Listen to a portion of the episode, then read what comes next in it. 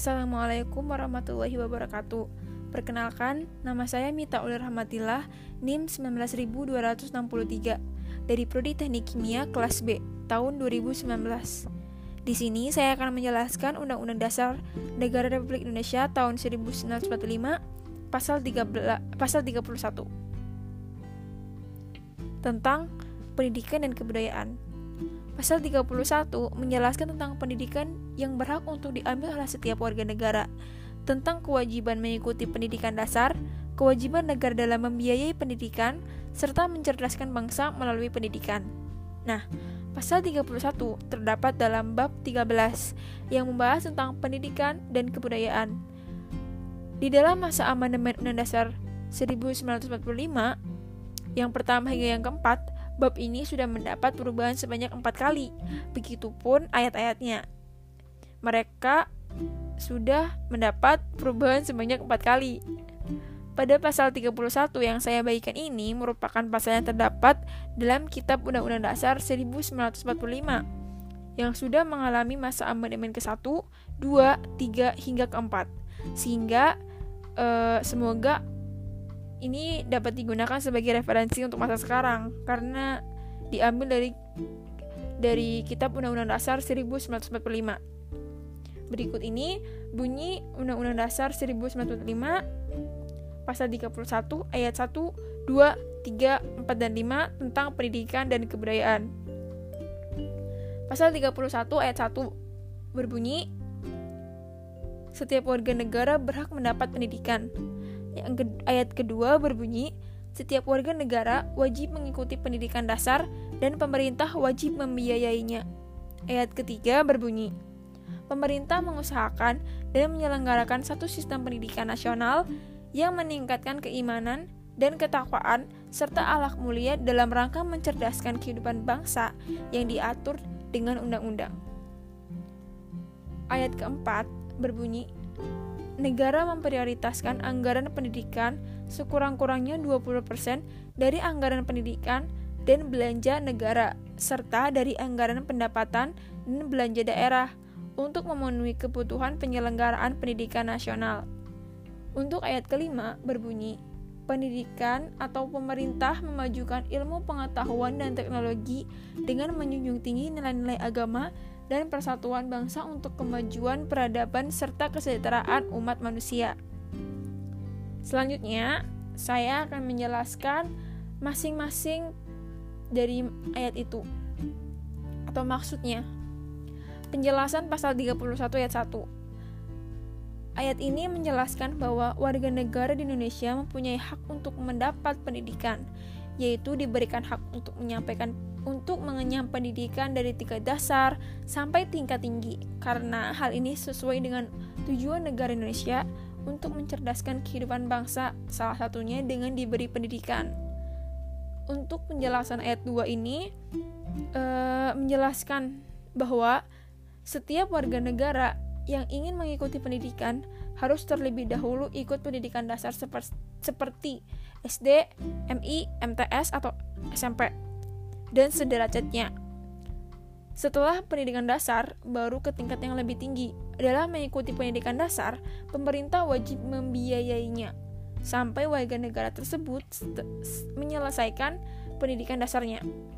Nah, penjelasan ayat ketiga bahwa dalam kurikulum pendidikan, pemerintah menyelenggarakan pembelajaran yang dapat meningkatkan keimanan dan ketakwaan bangsanya seperti adanya pembelajaran agama, di mana pelajaran ini penuh dengan pelajaran keimanan, ketakwaan, dan akhlak mulia yang mendidik seseorang siswa. Hal ini bertujuan untuk mencerdaskan kehidupan bangsa yang telah diatur dalam undang-undang. Untuk untuk penjelasan pasal 31 ayat 4 ini menjelaskan bahwa negara memprioritaskan penyediaan anggaran biaya untuk pendidikan minimal 20% dari pendapatan dan belanja negara, serta dari pendapatan dan belanja daerah. Untuk penjelasan ayat kelima, pada pasal ini eh, pada pasal 31 ayat 5 ini menjelaskan bahwa pemerintah dalam mencerdaskan bangsa melalui pendidikan yaitu dengan memajukan ilmu pengetahuan dan teknologi dengan menjunjung tinggi pendidikan agama. Karena dari agamalah tercipta keimanan, ketakwaan dan akhlak yang mulia sehingga dapat memajukan kesejahteraan manusia yang beradab. Nah, selanjutnya saya akan menjelaskan Undang-Undang Sistem Pendidikan Nasional Nomor 20 Tahun 2003. Undang-undang ini merupakan undang-undang yang mengatur sistem pendidikan yang ada di Indonesia. Dalam undang-undang ini, penyelenggaraan pendidikan wajib memegang prinsip beberapa prinsip antara lain pendidikan diselenggarakan secara demokratis dan berkeadilan serta tidak diskriminatif dengan menjunjung tinggi nilai hak asasi manusia, nilai keagamaan, nilai budaya, dan kemajemukan bangsa dengan satu kesatuan yang sistematis, dengan sistem terbuka dan multimakna.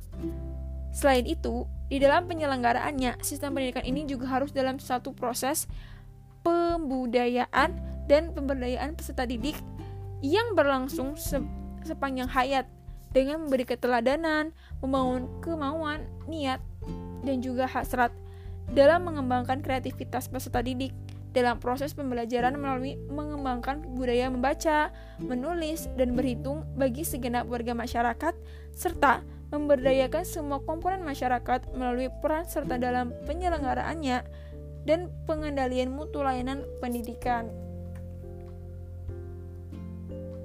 Undang-Undang Republik Indonesia tahun 2000, tahun 2003 nomor 20 tentang sistem pendidikan nasional. Dengan ini, Presiden Republik Indonesia menimbang A.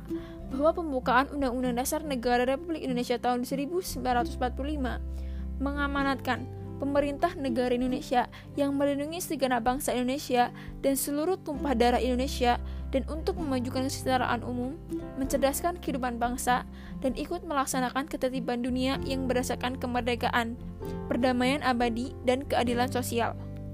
B.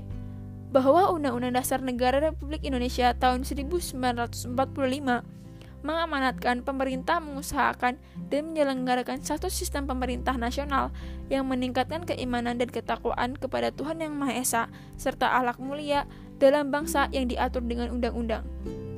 C. Bahwa sistem sistem pendidikan nasional harus mampu menjamin pemerataan kesempatan pendidikan, peningkatan mutu, serta relevansi dari efisiensi manajemen pendidikan untuk menghadapi tantangan sesuai dengan tuntutan perubahan kehidupan lokal, nasional, dan global, sehingga perlu dilakukan pembaharuan pendidikan secara terencana, terarah, dan berkesinambungan. D bahwa Undang-Undang Nomor 2 Tahun 1989 tentang Sistem Pendidikan Nasional tidak memadai lagi dan perlu diganti serta perlu disempurnakan agar sesuai dengan amanat perubahan Undang-Undang Dasar Negara Republik Indonesia tahun 1945 bahwa E bahwa berdasarkan pertimbangan sebagaimana dimaksud dalam huruf A, B, C, dan E perlu membentuk undang-undang tentang sistem pendidikan nasional dengan mengingat pasal 20, pasal 21, pasal 28 C ayat 1, pasal 31, pasal 32 Undang-Undang Dasar Negara Republik Indonesia tahun 1945. Sekian penjabaran dari saya. Mohon maaf apabila banyak sekali kesalahan. Terima kasih. Wassalamualaikum warahmatullahi wabarakatuh.